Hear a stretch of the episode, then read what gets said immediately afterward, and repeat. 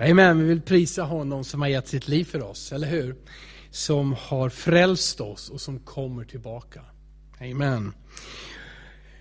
Vi äh, står inför Kristi himmelfärdsdag. Imorgon, torsdag, är det Kristi himmelsfärd. Vad gör vi med den helgen? Ja, det kan man undra. Eh, det är nog sedan rätt så lång tid tillbaka så att den försvinner lite i skymundan. Man använder den för ledighet och lite semester och så vidare. Men vad gör vi med den? Det kanske inte är den viktigaste frågan. Utan det som skedde, eh, att Jesus lyftes upp till himlen. Hur påverkar det våra liv? Och jag skulle vilja säga så här, hur påverkar det faktumet dina böner? Ja. Hur påverkar Kristi himmelsfärd, dina och mina böner. Väldigt, väldigt mycket är det tydliga svaret. Och jag vill visa det eh, i eh, några, i några bibelsammanhang. Men först vill jag bara visa det här bibliska faktat som berättar att Jesus som, som föddes är Guds son som blev människa som eh, gav sitt liv på korset, som uppstod på tredje dagen. Han lyftes också upp till Fadern i himlen, till himlen och där sitter han på Faderns högra sida som, som Bibeln beskriver det. Och några enkla bibelställen, berättande bibelställen ur eh, Lukas evangeliet allra först, alldeles mot slutet. Det är väldigt kort. Och det är väl det här som är lite förvånande ibland, att om och om igen, alltså Bibeln talar mycket om korset och mycket om försoningen och, och argumenterar mycket för uppståndelsen, men säger, har inga långa avsnitt egentligen om detta att Jesus lyftes upp till himlen, utan bara med korta ord. Men ändå så är det så oerhört viktigt och, och, Det går att vända på det och säga att hade Gud inte lyft upp Jesus till himlen, då hade vi inte fått del utav allt detta goda som Gud vill ge oss. Förlåtelsen, försoningen, uppståndelsen, den heliga Ande som är med oss här och nu. Vi läser Lukas 24, eh, bara vers 50 och 51. Sedan förde Jesus dem ut till Betania och de är det lärjungarna. Han lyfte sina händer och välsignade dem och medan han välsignade dem lämnade han dem och lyftes upp till himlen. Bang! Så, det var 24 långa kapitel och så händer något så oerhört dramatiskt som ingen av oss antar jag har sett Kanske det går att likna vid en luftballong som, tar, som åker upp i luften. Men, men med två korta verser, med två korta meningar eller tre meningar så beskrivs det här. Att han lyftes upp till höjden. Och vad är resultatet? De, ehm, de gick tillbaka till Jerusalem i stor glädje. De var ständigt i templet och de prisade Gud. Det var tillräckligt stort för att ge dem en glädje och en framtidstro. Och Lukas är ju författaren till en annan bok i Bibeln, nämligen till Apostlagärningarna. Eh, så att man kan ju läsa genom Lukas evangeliet gå direkt till Apostlagärningarna och så får man bara en liten resumé, precis som man gör inför eh, en tv-serie som är uppdelad i delar och när man ska titta på nästa så är det lite kort tillbakablick. Och den finns då i Apostlagärningarna 1, där han nästan upprepar samma saker som vi läste. Apostlagärningarna kapitel 1 vers 9. När Jesus hade sagt detta såg de hur han lyftes upp och ett moln tog honom ur deras åsyn. En betoning här på att de såg och det var ur deras åsyn som han togs upp. Det här är alltid det bibliska vittnesbördet, berättelserna. Man såg det som hände och så berättar man det. Medan de såg mot himlen dit han steg upp stod plötsligt två män i vita kläder hos dem. De sa, Galileer, varför står ni och ser mot himlen? Den Jesus som togs upp från er till himlen. Han ska komma tillbaka på samma sätt som ni såg honom stiga upp till himlen. Jag ska återkomma till detta att han ska komma tillbaka. Men jag ville bara ge alldeles i början så här dessa bibliska berättelser om att Jesus fysiskt, han lyftes upp. Ja, apostlagärningarna själv betonar att han steg upp. Så det, det är inte något kraftlöst, Gud tar honom i nackskinnet och lyfter upp honom. Utan han stiger upp och han stiger inte bara upp i luften till molnen, förbi fåglar och så vidare. Utan i den himmelska verkligheten. Där Gud har skapat allting, gjort allting, där allting, det är kontrollrummet. Alltings ursprung, där, där Gud är. Och där sätter han sig på Guds höga sida, läser vi sen i Hebreerbrevet. För att då har han gjort allting som han kom för att göra. Först där sätter han punkt för sitt verk på jorden, när han sätter sig ner i himlen igen. Så det här finns med i evangelierna. Eh, I breven så talas det inte så mycket heller, egentligen jättelite eh, om, om det här. I, i första Korinthierbrevet 15, då talar Paulus väldigt långt om, om Jesu uppståndelse och argumenterar för det och säger det var många som såg honom och det var 500 stycken män. Och först var det Petrus och sen var det de andra lärjungarna och 500. Och så säger han, och allra sist också för mig. Och det, sen går han inte in på Jesu himmelsfärd, men, men ändå så i de här orden, allra sist, så snuddar han vid det. För där är någonting som tar slut. Jesus visade sig efter sin uppståndelse för Petrus, för de andra lärjungarna, för mer än 500 män vid ett tillfälle. Under 40 dagar vandrade han på jorden. Och allra sist så visade han sig också för mig. Så Paulus, trots att han inte skriver utförligt om den här himmelsfärden, så, så märker vi här och vid flera andra tillfällen hur det finns hela tiden i hans medvetenhet, hans tänkande, detta är ett faktum. Det är bekräftat av hundratals vittnen att Jesus uppstod. Och det är bekräftat av minst tolv personer. Antagligen var många andra där, framförallt flera kvinnor som följde Jesus hela livet. När Jesus lyftes upp till himlen, de såg det med sina ögon. Så det här bekräftas. Eh, och jag ska läsa även i Efesebrevet. För att eh, det som är intressant med Efesierbrevet, även om den, de här verserna är lite svårförståeliga nu. Efesierbrevet kapitel 4, vers 7-9. Okay? Men det som är intressant här, det är att här är det inte bara en tillbakablick, utan här eh, på att Jesus lyftes upp till himlen, utan här citerar Paulus gamla testamentet och visar att saltaren profeterade, förutsade att Jesus skulle återvända till himlen. Han skulle lyftas upp till Fadern. Så det här är inte bara berättelserna om vad som har skett, utan det förutsades långt tidigare. Men vi läser det i Fesebrevet 4, vers 7. Och jag betonar en gång till, det är inte, eh, i det här sammanhanget är det inte helt lätt nu eh, att man på en gång förstår allting här. Men det står så här. Men var och en av oss har fått nåden så som Kristus fördelade gåvan. Därför heter det, vers 8. Han steg upp i höjden, han tog fångar och gav människorna gåvor. Det här är citatet nu då, ur Saltaren 68, vers 19. Så förklarar han det här. Det att han steg upp vad innebär det om inte att han också steg ner till jorden? Han som steg ner är också den som steg upp över alla himlar för att uppfylla allt. Alltså det här är hur stort som helst, det som sker när Jesus lyfts upp till himlen.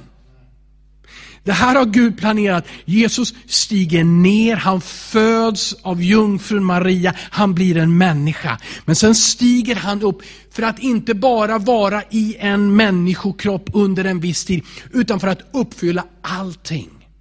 Och för att fullgöra Guds plan. Så att Jesus är människa och ändå så är han Guds son. Och han ska uppfylla, eller han uppfyller allting. Och det här förutsägs också i profeterna. Nu, så min fråga från början var, hur påverkar det här våra böner till Gud? Jo, i allra högsta grad. Vi läser först Hebreerbrevet kapitel 1, vers 3.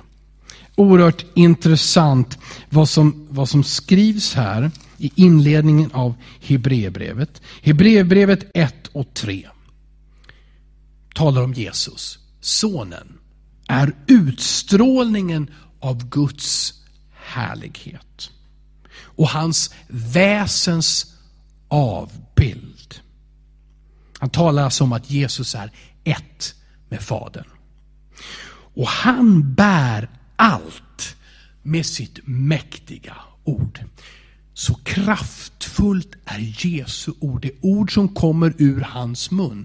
Det upprätthåller allting i hela skapelsen. Våra liv men också stjärnor och universum. Allt hänger inte, hänger inte på en lös tråd, men det hänger på Jesu ord. I kraften av hans ord upprätthålles allt. Och så står det, sedan han fullbordat en rening från synderna sitter han nu på majestätets högra sida i höjden. Han dog på korset för att rena oss från våra synder och för att poängtera, för att stryka under att det är fullkomligt att han har dött för alla synder, alla människors synder i alla tider. För att vi är totalt ren, inte lite ren utan helt ren. Så sätter sig han, kungars kung, ner.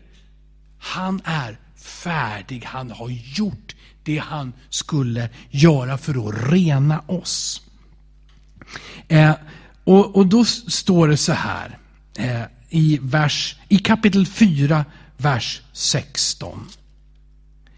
Låt oss därför frimodigt gå fram till nådens tron för att få barmhärtighet och finna nåd till hjälp i rätt tid.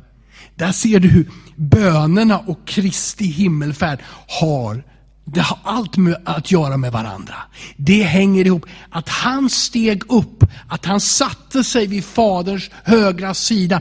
Det betyder att där sitter han på nådatronen och där tar han emot dig när du kommer med dina böner.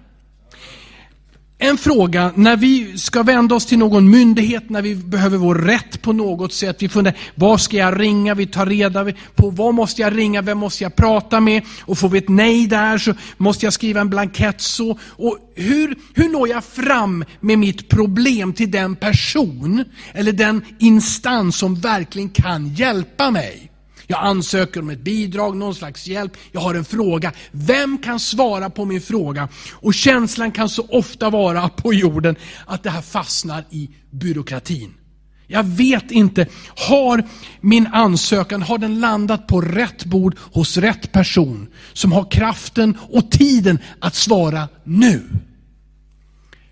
När vi kommer med våra böner så kommer vi direkt, du kan tänka förbi all byråkrati, alla människor, alla olika instanser som skulle kunna sätta stopp eller fördröja ditt bönesvar. Det kommer direkt till nådatronen. Dit har Jesus gått, där är du när du ber. Och därför så kan du komma och du får barmhärtighet och nåd i den stund du behöver hjälp. Amen. Han svarar på dina böner. Du ser hur, hur Kristi himmelfärd påverkar så oerhört. Var är Jesus? Var är Gud?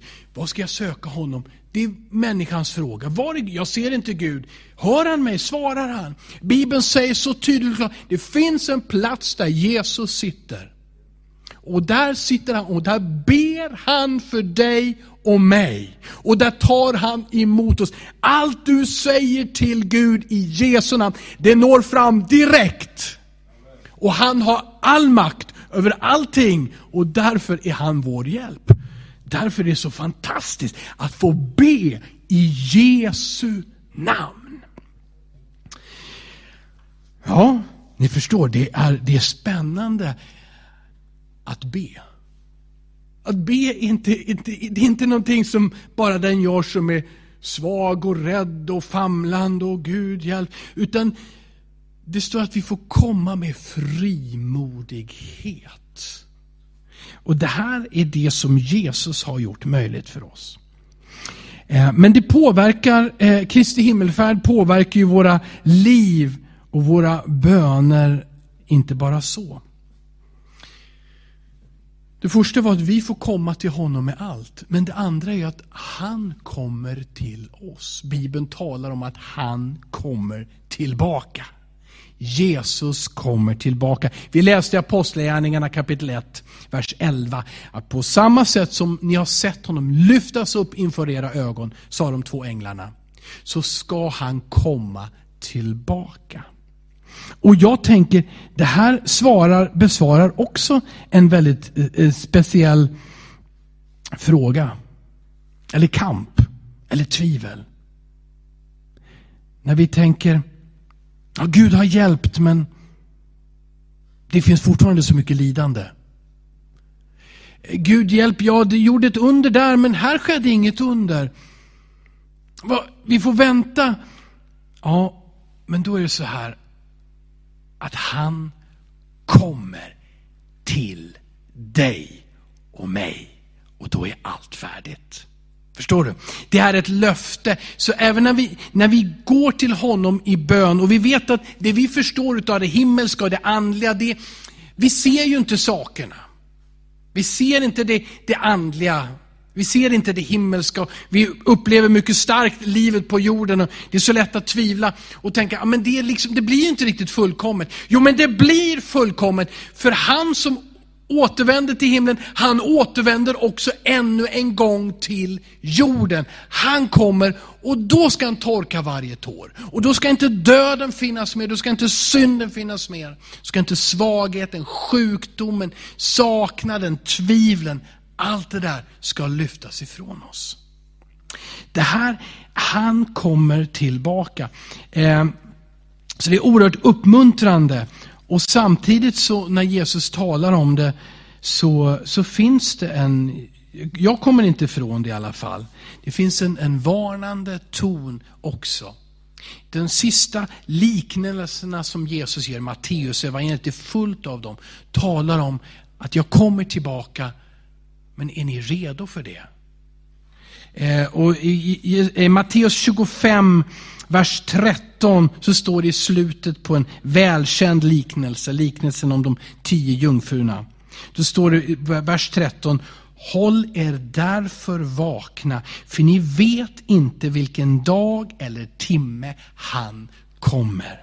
Och i vår bön, i vår gemenskap med Gud, det är där det är så vi håller oss vakna.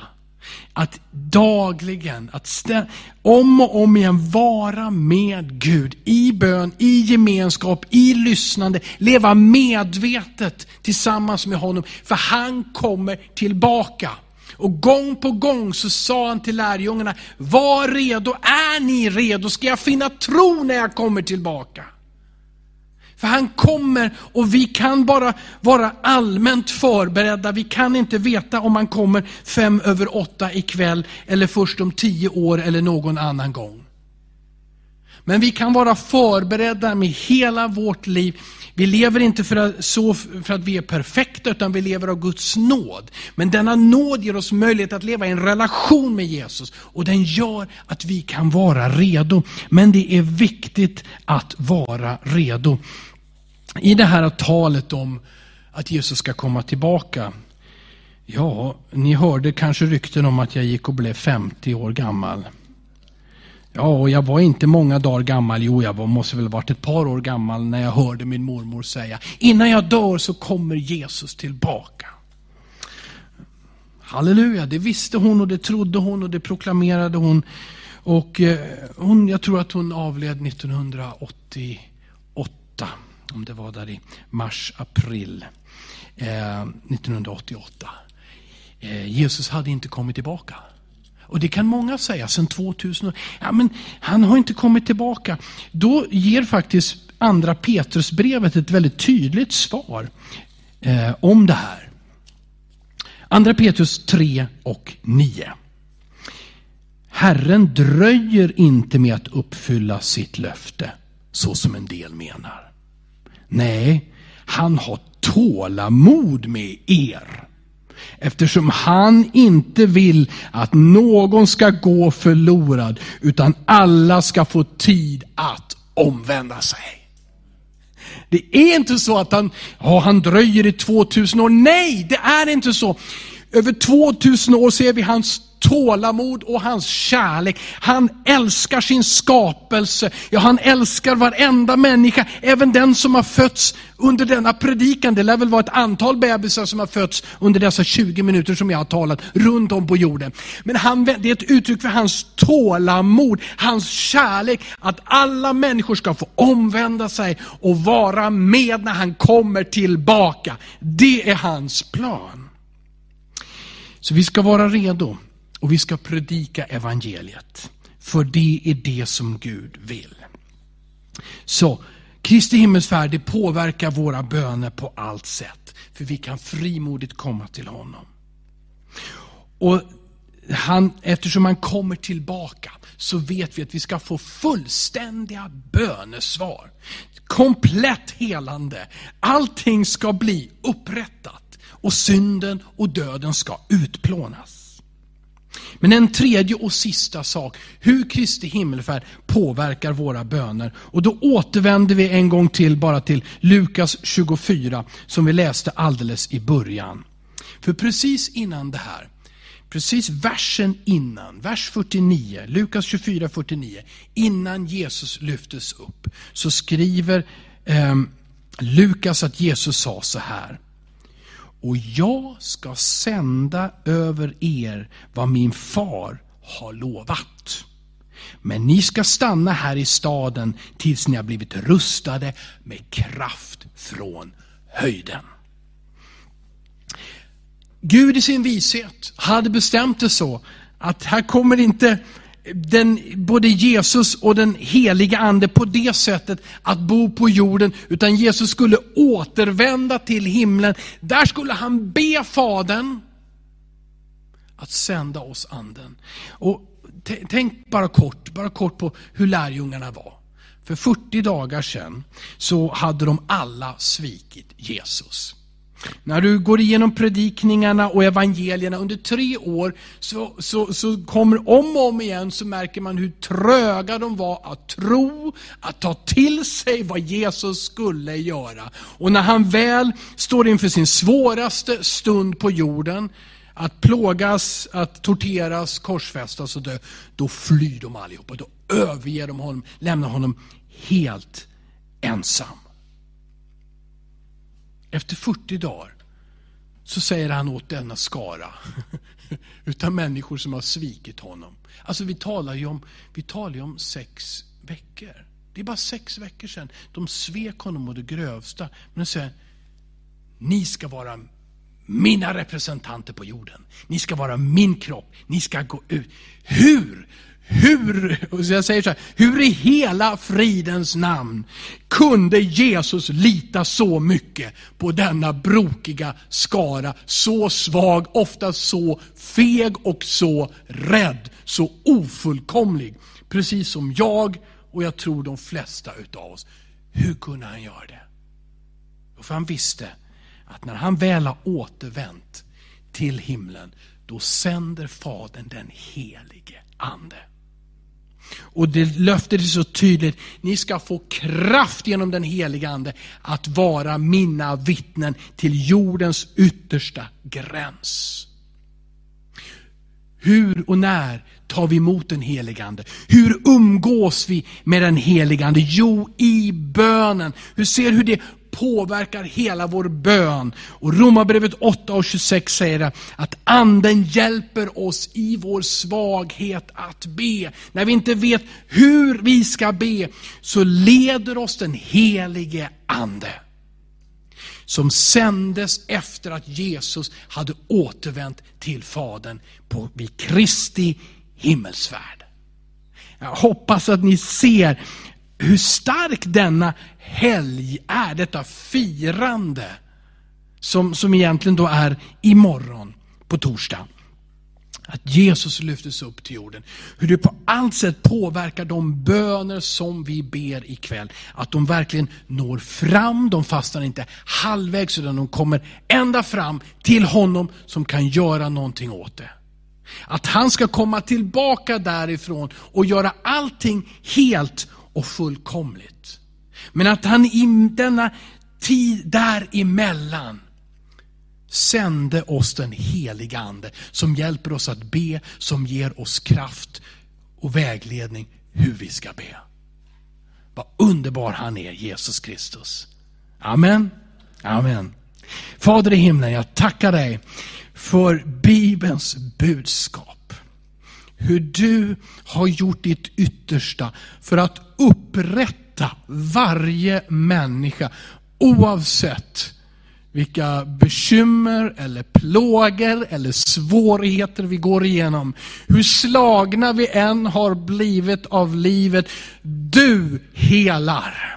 Du helar och du ger balsam, du ger kraft Herre, du hela våra sår. Du ger oss liv igen. Jag tackar dig Fader också för att med våra böner, med våra liv, så är vi, vi lever också i detta tronrum inför din tron. Där är vi som Guds barn och får ta emot kärlek och får ta emot nåd.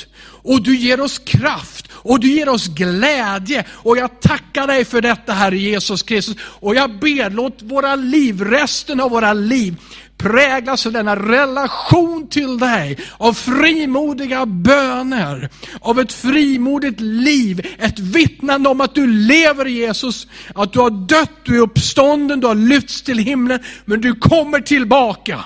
Herre, Herre, låt det prägla våra liv. Grip tag i oss med din heliga Ande. Jag ber dig i Jesu namn. Amen. Amen.